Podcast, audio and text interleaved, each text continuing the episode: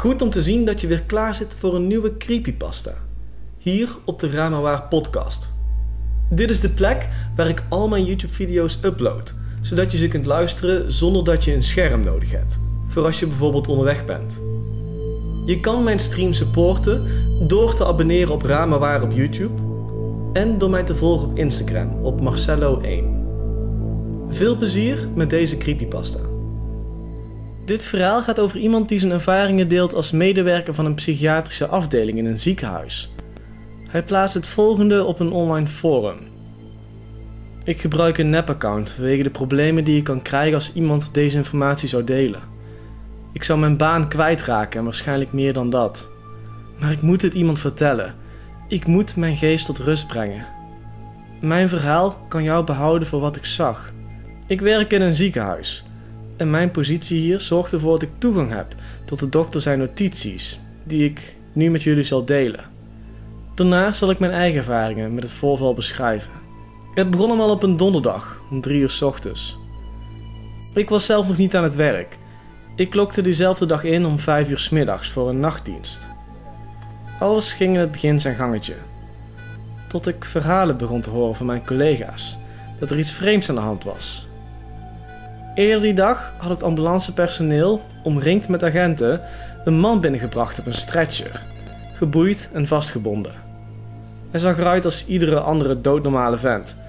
Hij had een t-shirt aan en een korte broek, was 32 jaar oud en nog nooit eerder in ons ziekenhuis geweest. Hij was ook niet bekend in ons systeem.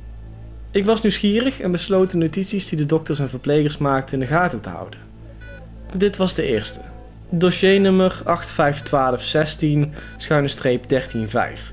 Aangemaakt om tien voor half vier s'nachts.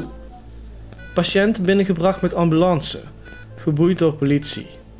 Man eist dat zijn handboeien verwijderd worden. Praat in wachttaal. Weigert mee te werken met personeel en politie. Hij ontkent het gebruik van alcohol of drugs. Patiënt blijft roepen dat hij weg moet, omdat iemand hem gaat vermoorden wil verder niets uitleggen aan personeel. We hebben hem een kalmeringsmiddel toegeschreven. En hij zegt dat hij al maanden geen medicijnen meer heeft gebruikt. En nu ook geen medicijnen nodig heeft, omdat hij niet gek is. De politie verklaart dat de patiënt gevonden is naast de snelweg, omdat verschillende weggebruikers de politie gebeld hadden.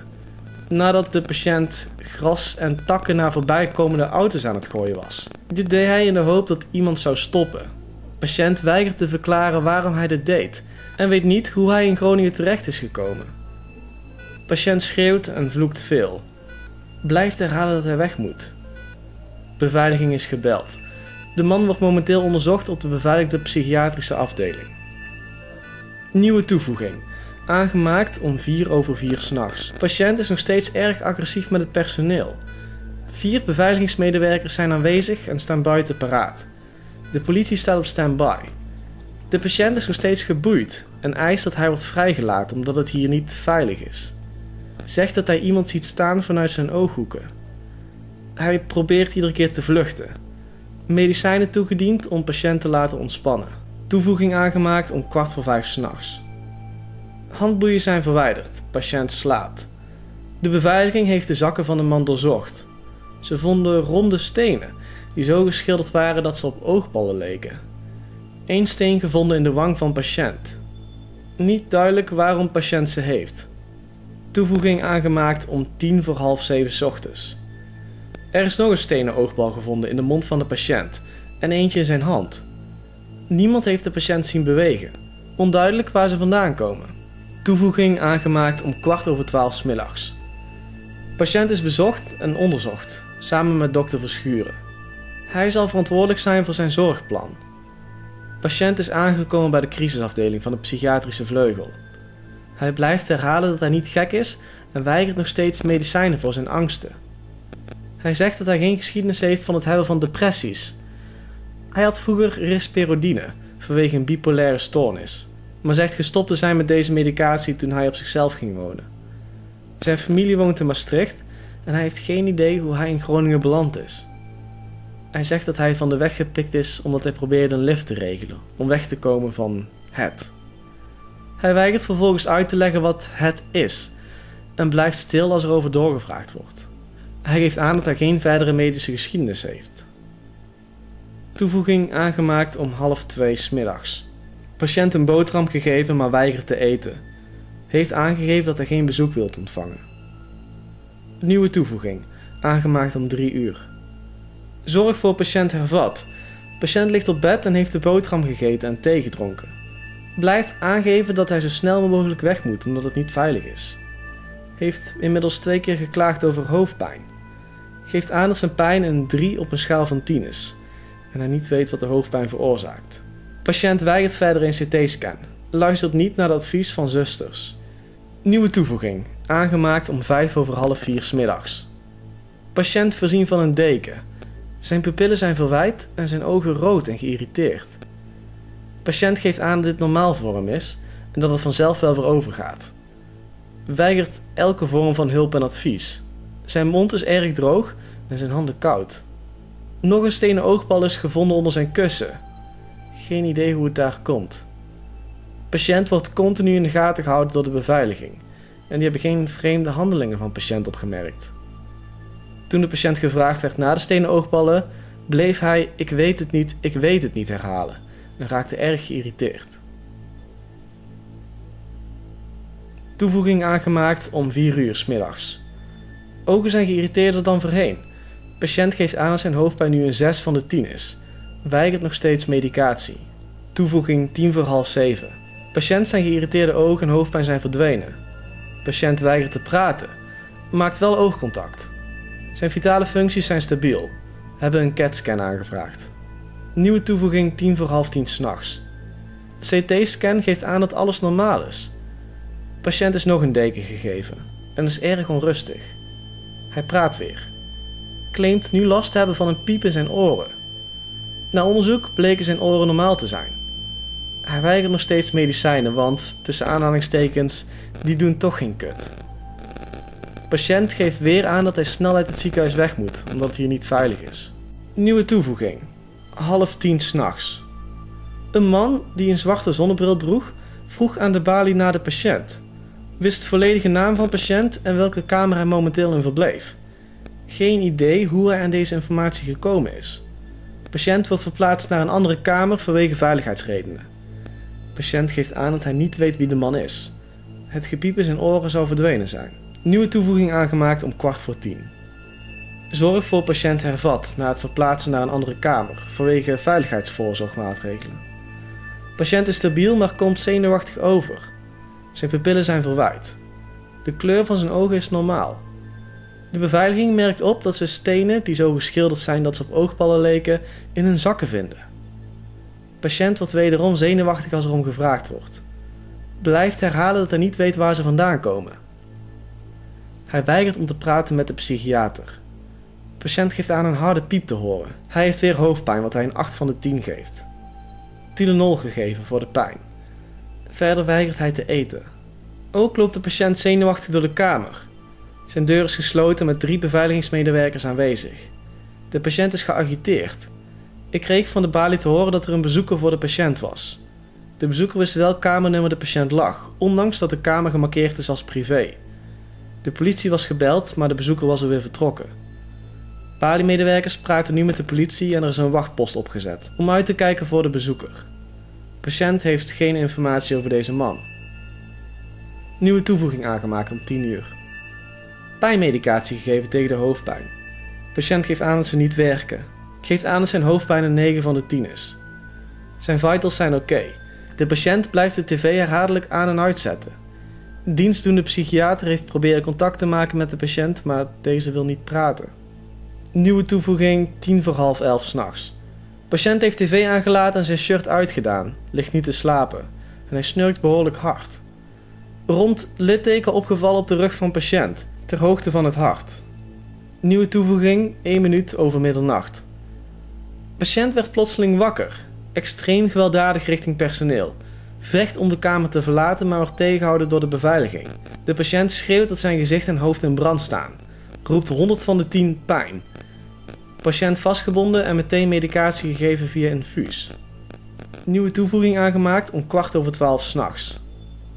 De balie stuurde door dat de bezoeker met zonnebrillen weer was en de patiënt zocht.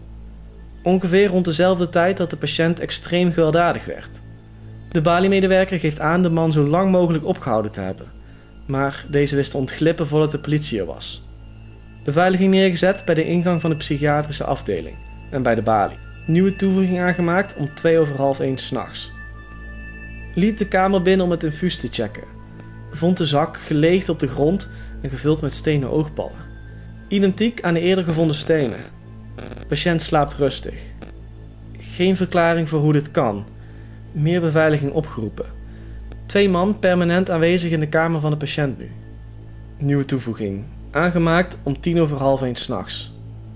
Zorg voor patiënt opnieuw opgepakt. De afdeling is gebriefd over de vreemde gebeurtenissen rond patiënt. Zijn temperatuur is langzaam aan het dalen. Laatst gemeten temperatuur is 36 graden. Ogen openen af en toe in zijn slaap en bewegen spastisch, waarna ogen weer dichtgaan. Medisch team onderweg voor onderzoek. Nieuwe toevoeging, aangemaakt om 5 voor 1 s'nachts door dienstdoende arts. Stenen oogbal net gevonden in mijn zak. Heb geen contact gehad met patiënt voordat ik het object gevonden heb. Politie is gebeld om in het ziekenhuis te blijven. Nieuwe toevoeging, aangemaakt om half twee s'nachts. Patiënt wordt om de 10 minuten wakker om de tv aan en uit te zetten. De doktoren zijn gearriveerd voor een evaluatie. De patiënt was wakker en praatte kalmpjes met het medisch team. Nog geen verklaring gevonden voor gedrag patiënt. Verschillende doktoren hebben stenen oogballen gevonden in hun zakken. Nieuwe toevoeging, aangemaakt om 2 over 3 s'nachts. Patiënt werd plotseling wakker, schreeuwde en vertoonde agressief gedrag. Terug vastgebonden aan bed. De beveiligingscamera's hebben de man met zonnebril gespot terwijl deze door gangen liep, waar alleen het personeel mag komen. Extra beveiliging is opgeroepen en de afdeling is op slot gegaan. Meer agenten zullen snel ter plaatse zijn. Vanaf dit punt zal ik het verhaal weer oppakken, aangezien er vanaf hier geen touw vast te knopen is aan de notities. Ik zal proberen te beschrijven wat er de afgelopen 20 minuten gebeurd is. Het begon met de patiënt die om precies drie uur s'nachts plotseling begon te schreeuwen. Ik kon hem aan het einde van de gang horen, maar ik mocht niet in de buurt van de kamer komen. Geschreeuw en harde geluiden zijn geen dingen waar je raar van opkijkt in de psychiatrische afdeling. Maar het was duidelijk dat iedereen erg geschrokken en ontdaan was door de man. De lucht leek wel dunner dan normaal. Het was erg moeilijk om te ademen in de buurt van de kamer waar de man lag. We zijn geen groot ziekenhuis, maar zeker ook geen kleine. Zoiets als dit hadden we nog nooit meegemaakt. De beveiliging had de man met zonnebril op drie verschillende plekken gespot. Iedere keer op plaatsen waar je alleen kon komen als personeel. Op een van de locaties kan ik niet eens komen. Hij droeg een pikzwarte zonnebril, een ronde zwarte hoed en een lange donkere jas die helemaal tot de grond kwam. Je kon zijn voeten niet zien. Er zat een soort patroon op zijn jas, maar onze camera's hebben een te slechte resolutie om te zien wat het precies was. Het was compleet onduidelijk hoe hij op deze drie plekken was gekomen, aangezien je drie verschillende pasjes nodig hebt om de deuren te openen. De beveiliging gaf de schuld aan een defect beveiligingssysteem, maar daar geloof ik niets van. Na het geschreeuw van de patiënt gehoord hebben, wist ik het zeker. Er kwam iets anders voor hem. Om precies tien voor half vier s'nachts stopte het geschreeuw. En het stopte heel plots. Een grote flits van rood licht werd gezien door het raampje van de patiënt zijn deur. Het had dezelfde rode kleur als het rode licht wat je ziet bij een UV-warmtelamp. Mijn collega beschreef het als een sinister rood. Na het licht was het stil op de gehele afdeling voor een paar seconden. Tot er wat mensen op onderzoek uitgingen. Drie doktoren, twee zusters en vier beveiligingsmedewerkers waren in de kamer met de patiënt toen de rode flits zich voordeed. Na de flits waren ze weg. Ze leken van de aardbodem verdwenen. Nergens was een spoor van ze te bekennen. En de patiënt, die lag er nog. Tenminste, voor een gedeelte. Zijn lichaam was er nog, maar zijn ogen waren verdwenen. Ze waren verwijderd met twee perfecte sneden, alsof ze verwijderd waren door een chirurg. Die hele dag gebeurde er verder niets. Alles was weer terug naar normaal, maar niets voelde meer normaal. Ik herinner me dat ik niet meer in het ziekenhuis wilde zijn. Diezelfde avond was ik dan ook flink aan het drinken, om mezelf het voorval niet te moeten herinneren. Ze hielden me drie dagen thuis, net als de rest van mijn collega's. Onze afdeling sloot voor de rest van het jaar en alle patiënten werden overgebracht naar een andere afdeling of andere ziekenhuizen. Ik weet nog steeds niet wat er gebeurd is in die drie dagen dat ik niet op mijn werk mocht komen. En twee weken later werd een van de zusters gelokaliseerd in een ziekenhuis in Beijing, in China. De lokale politie had ons een bericht gestuurd nadat we opgegeven hadden als vermist. Ze zou volgens de Chinese artsen niet mee hebben gewerkt met een onderzoek daar en zal de volgende ochtend overleden zijn door onbekende redenen. Dat is het enige wat ik nog meegekregen heb van het hele gebeuren. Niemand hier praat er echt over en iedereen probeert gewoon door te gaan met zijn of haar leven. Er hangt hier een plakkaat met de namen van de verdwenen mensen. Ze hebben allemaal begrafenissen gehad en hun families weten dat ze niet terug gaan komen. Ik vind het triest dat de families nooit te weten komen wat er precies gebeurd is. En waarschijnlijk weet niemand dat. Wat er ook gebeurd is, ik denk dat ik het niet eens wil weten. Ik heb het gevoel dat hoe minder ik weet, hoe beter dat is. Voor mijn eigen veiligheid. Ik ben in ieder geval blij dat ik niet in dezelfde kamer zat op het moment van de flits.